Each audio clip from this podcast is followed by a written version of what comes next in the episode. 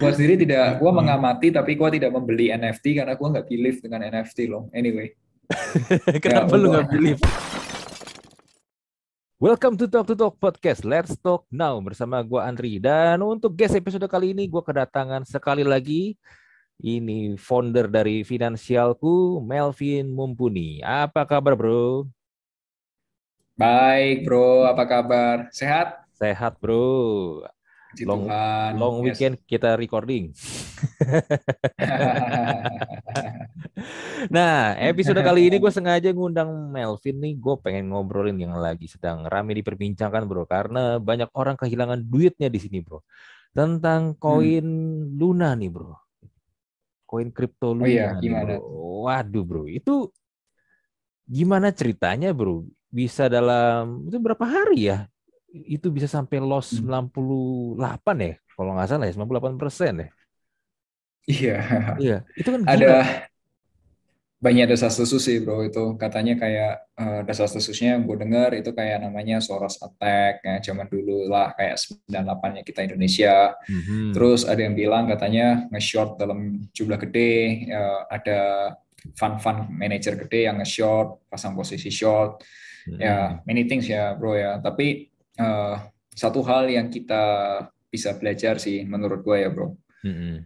Eh, at the end, eh, kripto yang katanya seperti itu, orang-orang bilang to the moon, to the moon, ya ternyata bisa hancur-hancuran seperti itu.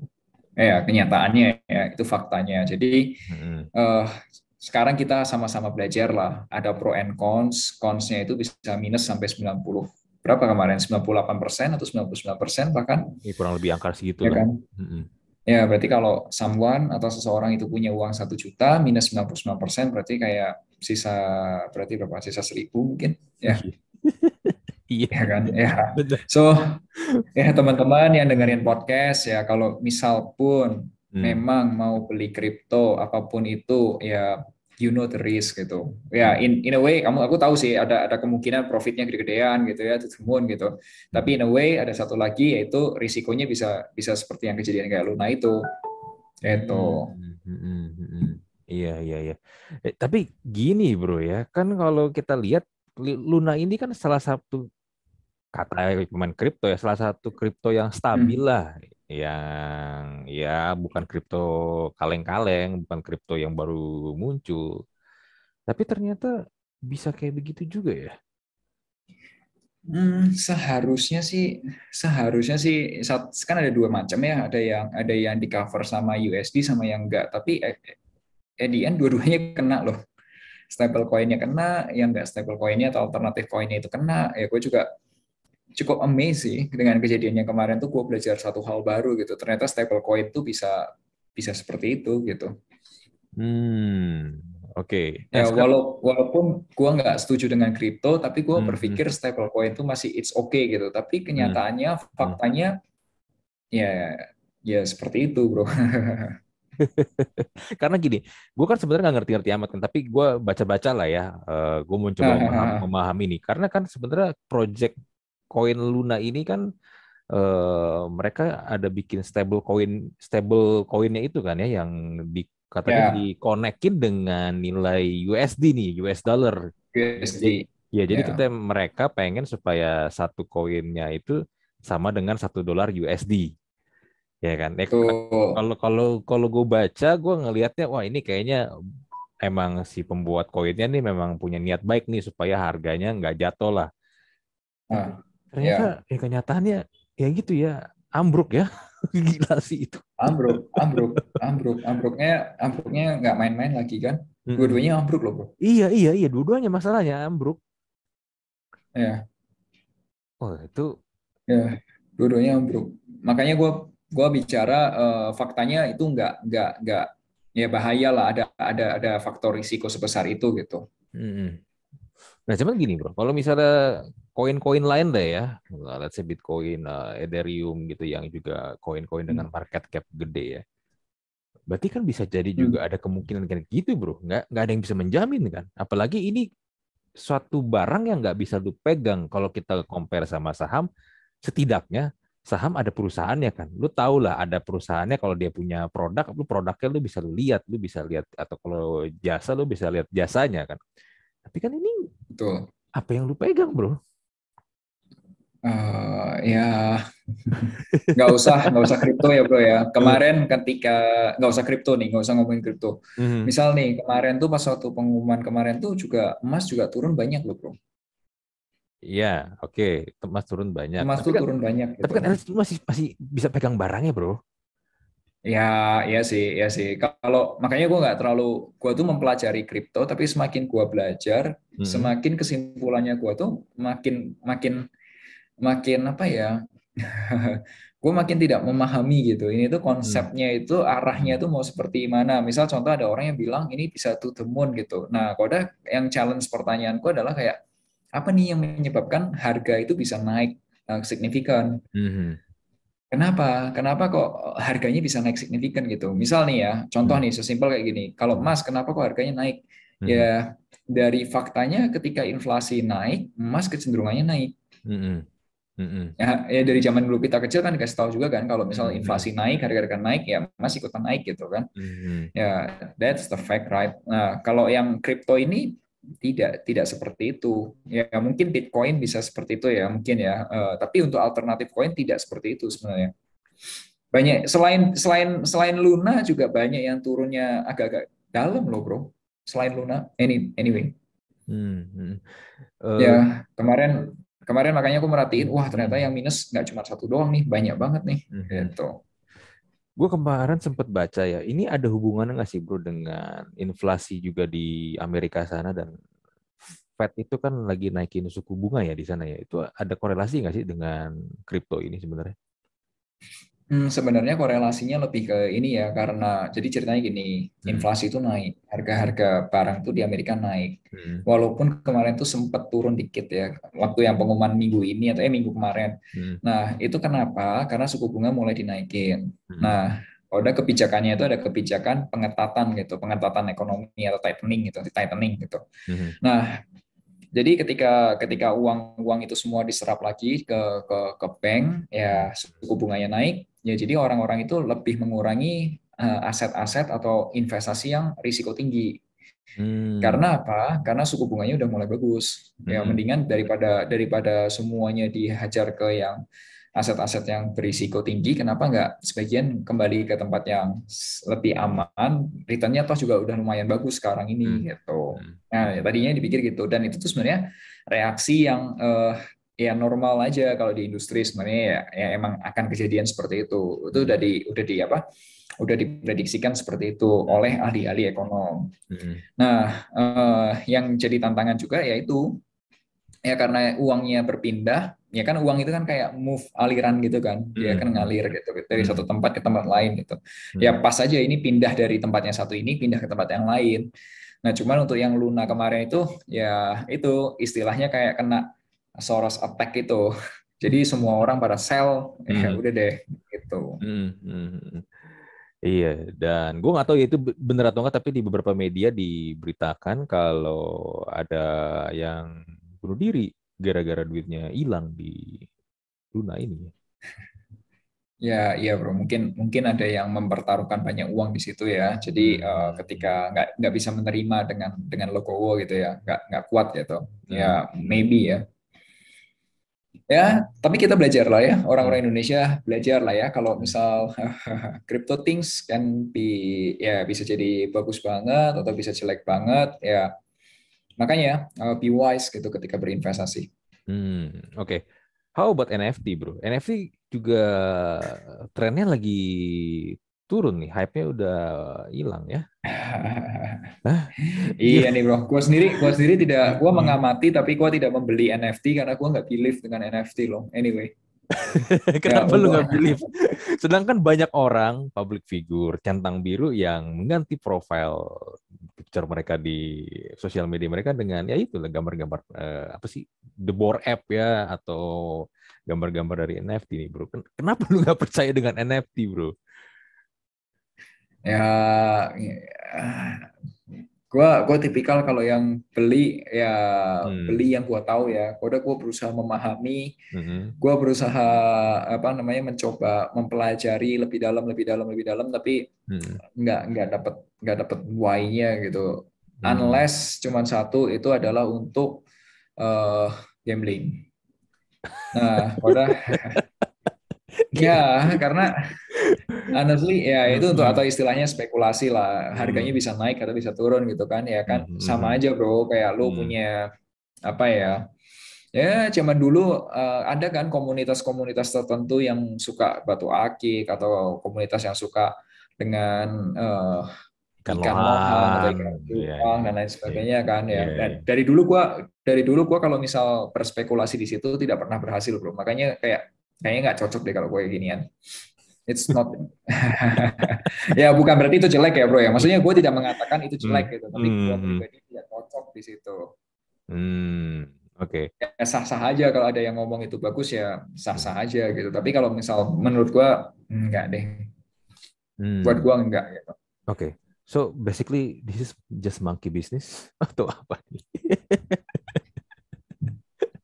Enggak bisa ngomong gitu juga sih karena karena eh, masih banyak yang gua nggak tahu ya. Jadi gua nggak bisa Hmm. ngecat seperti itu tuh. Hmm, oke oke oke.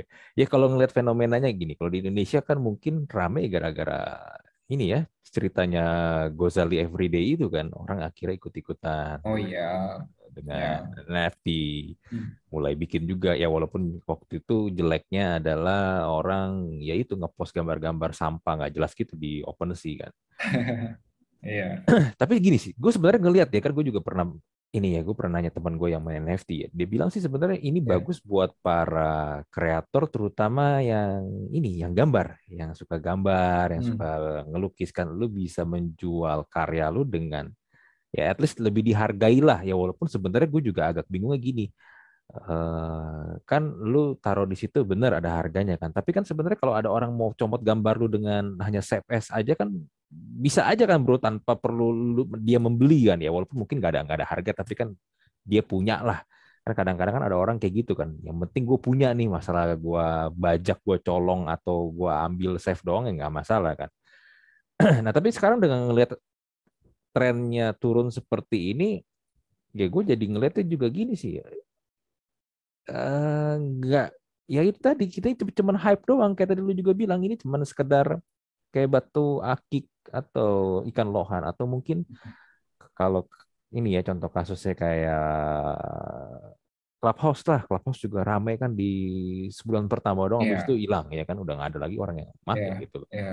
Nggak nggak sustain jadinya kan nggak nggak bisa lu bergantung sama satu platform gitu doang jadinya kan Betul, betul, betul. Jadi eh, ya betul bro kayak gitu. Terus kode kayak misalnya NFT itu mungkin lebih cocok kalau lu bayanginnya sama seperti kayak lukisan gitu, yang benar-benar lukisan lukisan orang Hmm. lukis gitu. Mm-mm.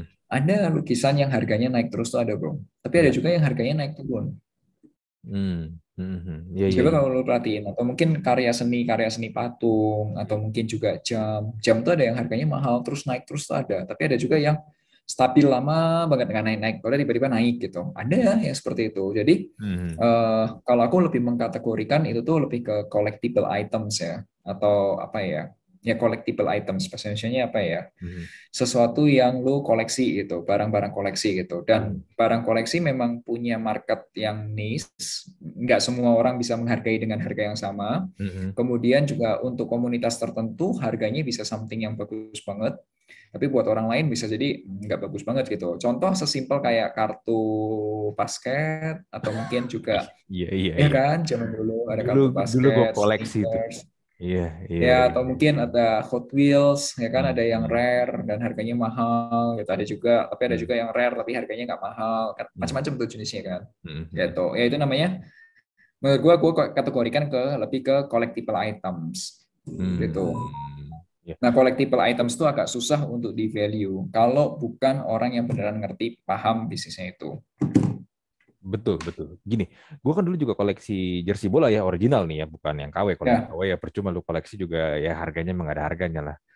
Jadi dulu tuh Hmm. pernah di ini gua ngomong case di Indonesia. Di Indonesia tuh pernah ada satu masa tuh jersey bola itu ya punya nilai dengan keunikan dan kelangkaannya masing-masing ya. Apalagi kalau dia timnya Hmm. itu atau pemainnya itu memang punya sesuatu yang spesial lah. Let's say misalnya MU, Man United pas lagi treble winner ya tahun 99. Oh itu kan jersey yang mereka Ya. pakai pas lagi final Liga Champion itu kan langka banget dan akan dihargai pasti lebih mahal.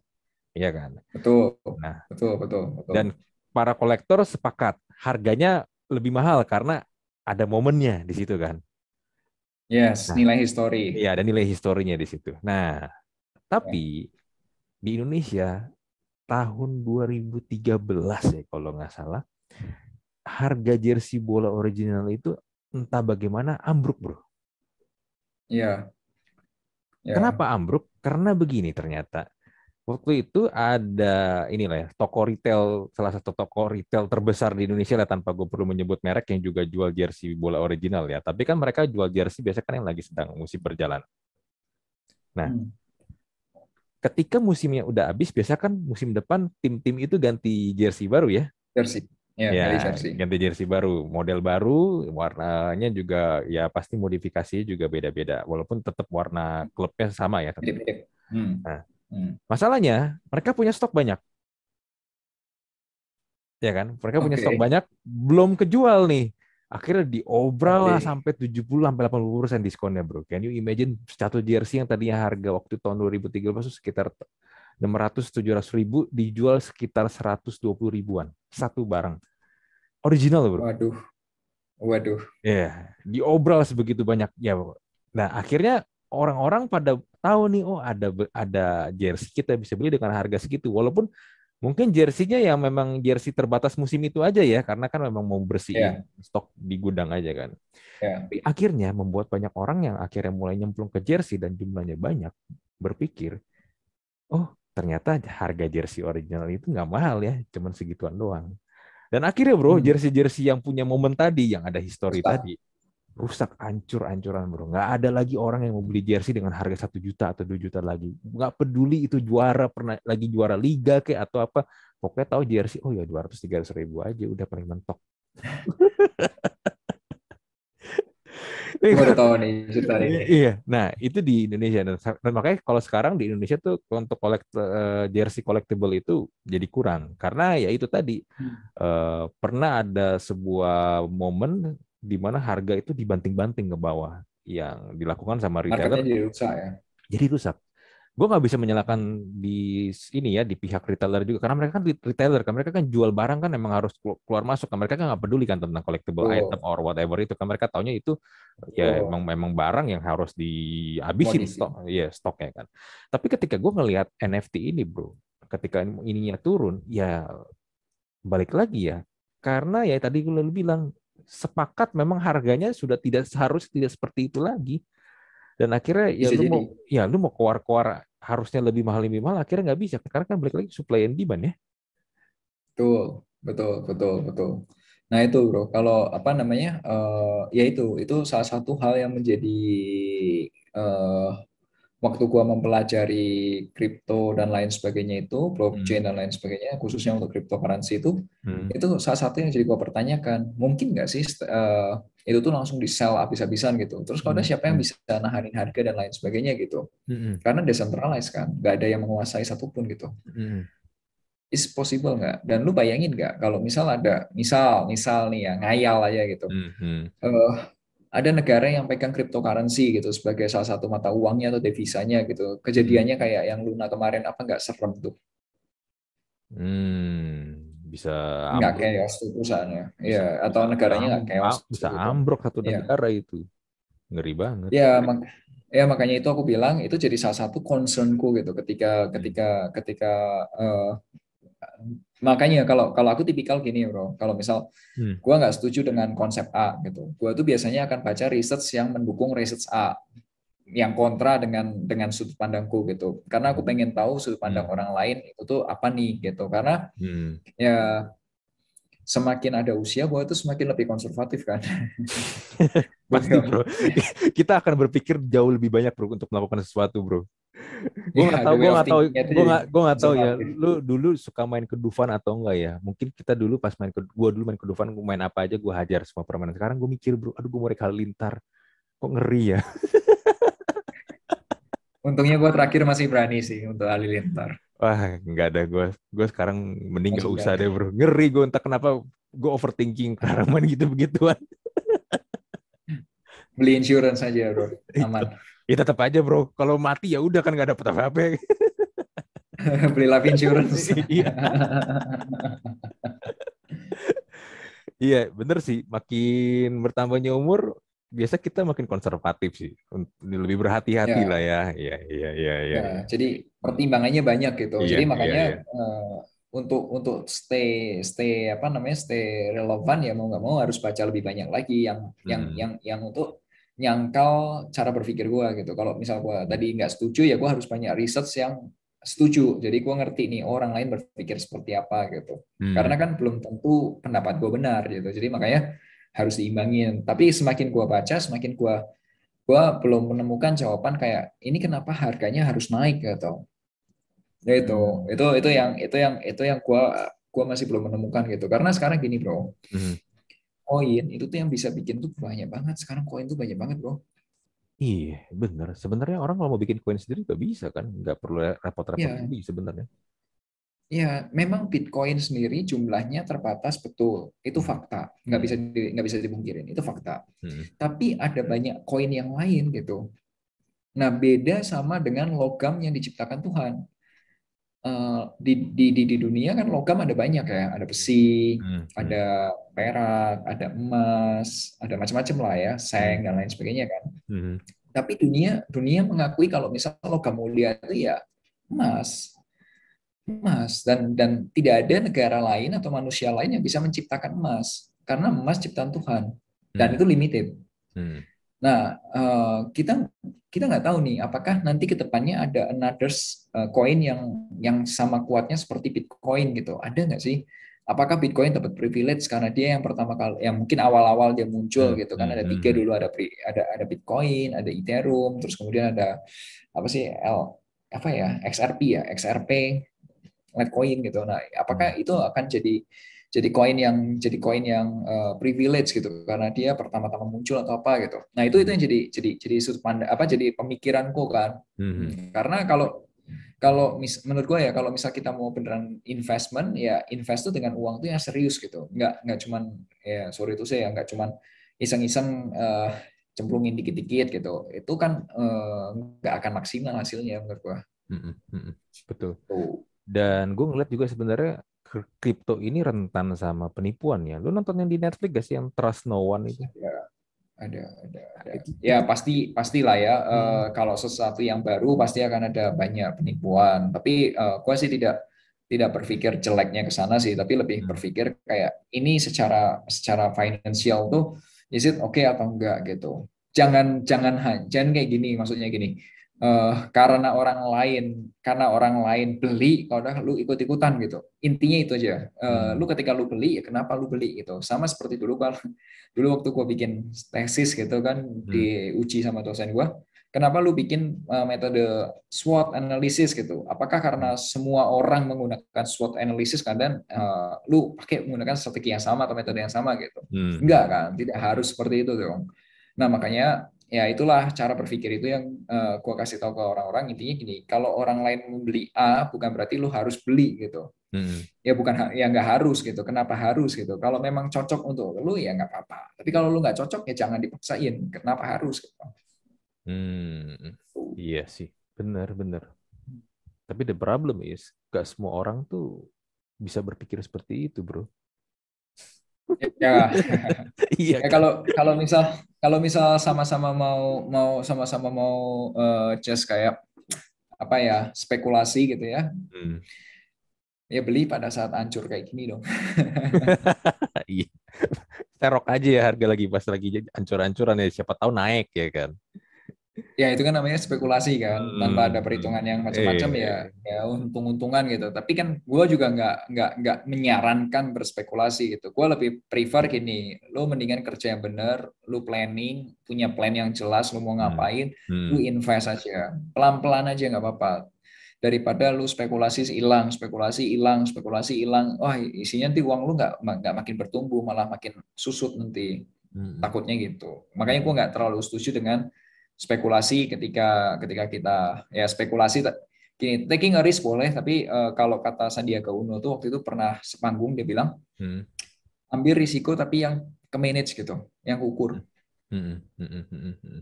gitu Iya, iya, iya, bener-bener. Yang kalau misalnya ada kenapa-kenapa, ya lu nggak kejeblos, bener-bener kejeblos ya. ya ya ya menurut gue menurut gue sih make sense sih Mm-mm, mm-mm. Betul, betul, betul.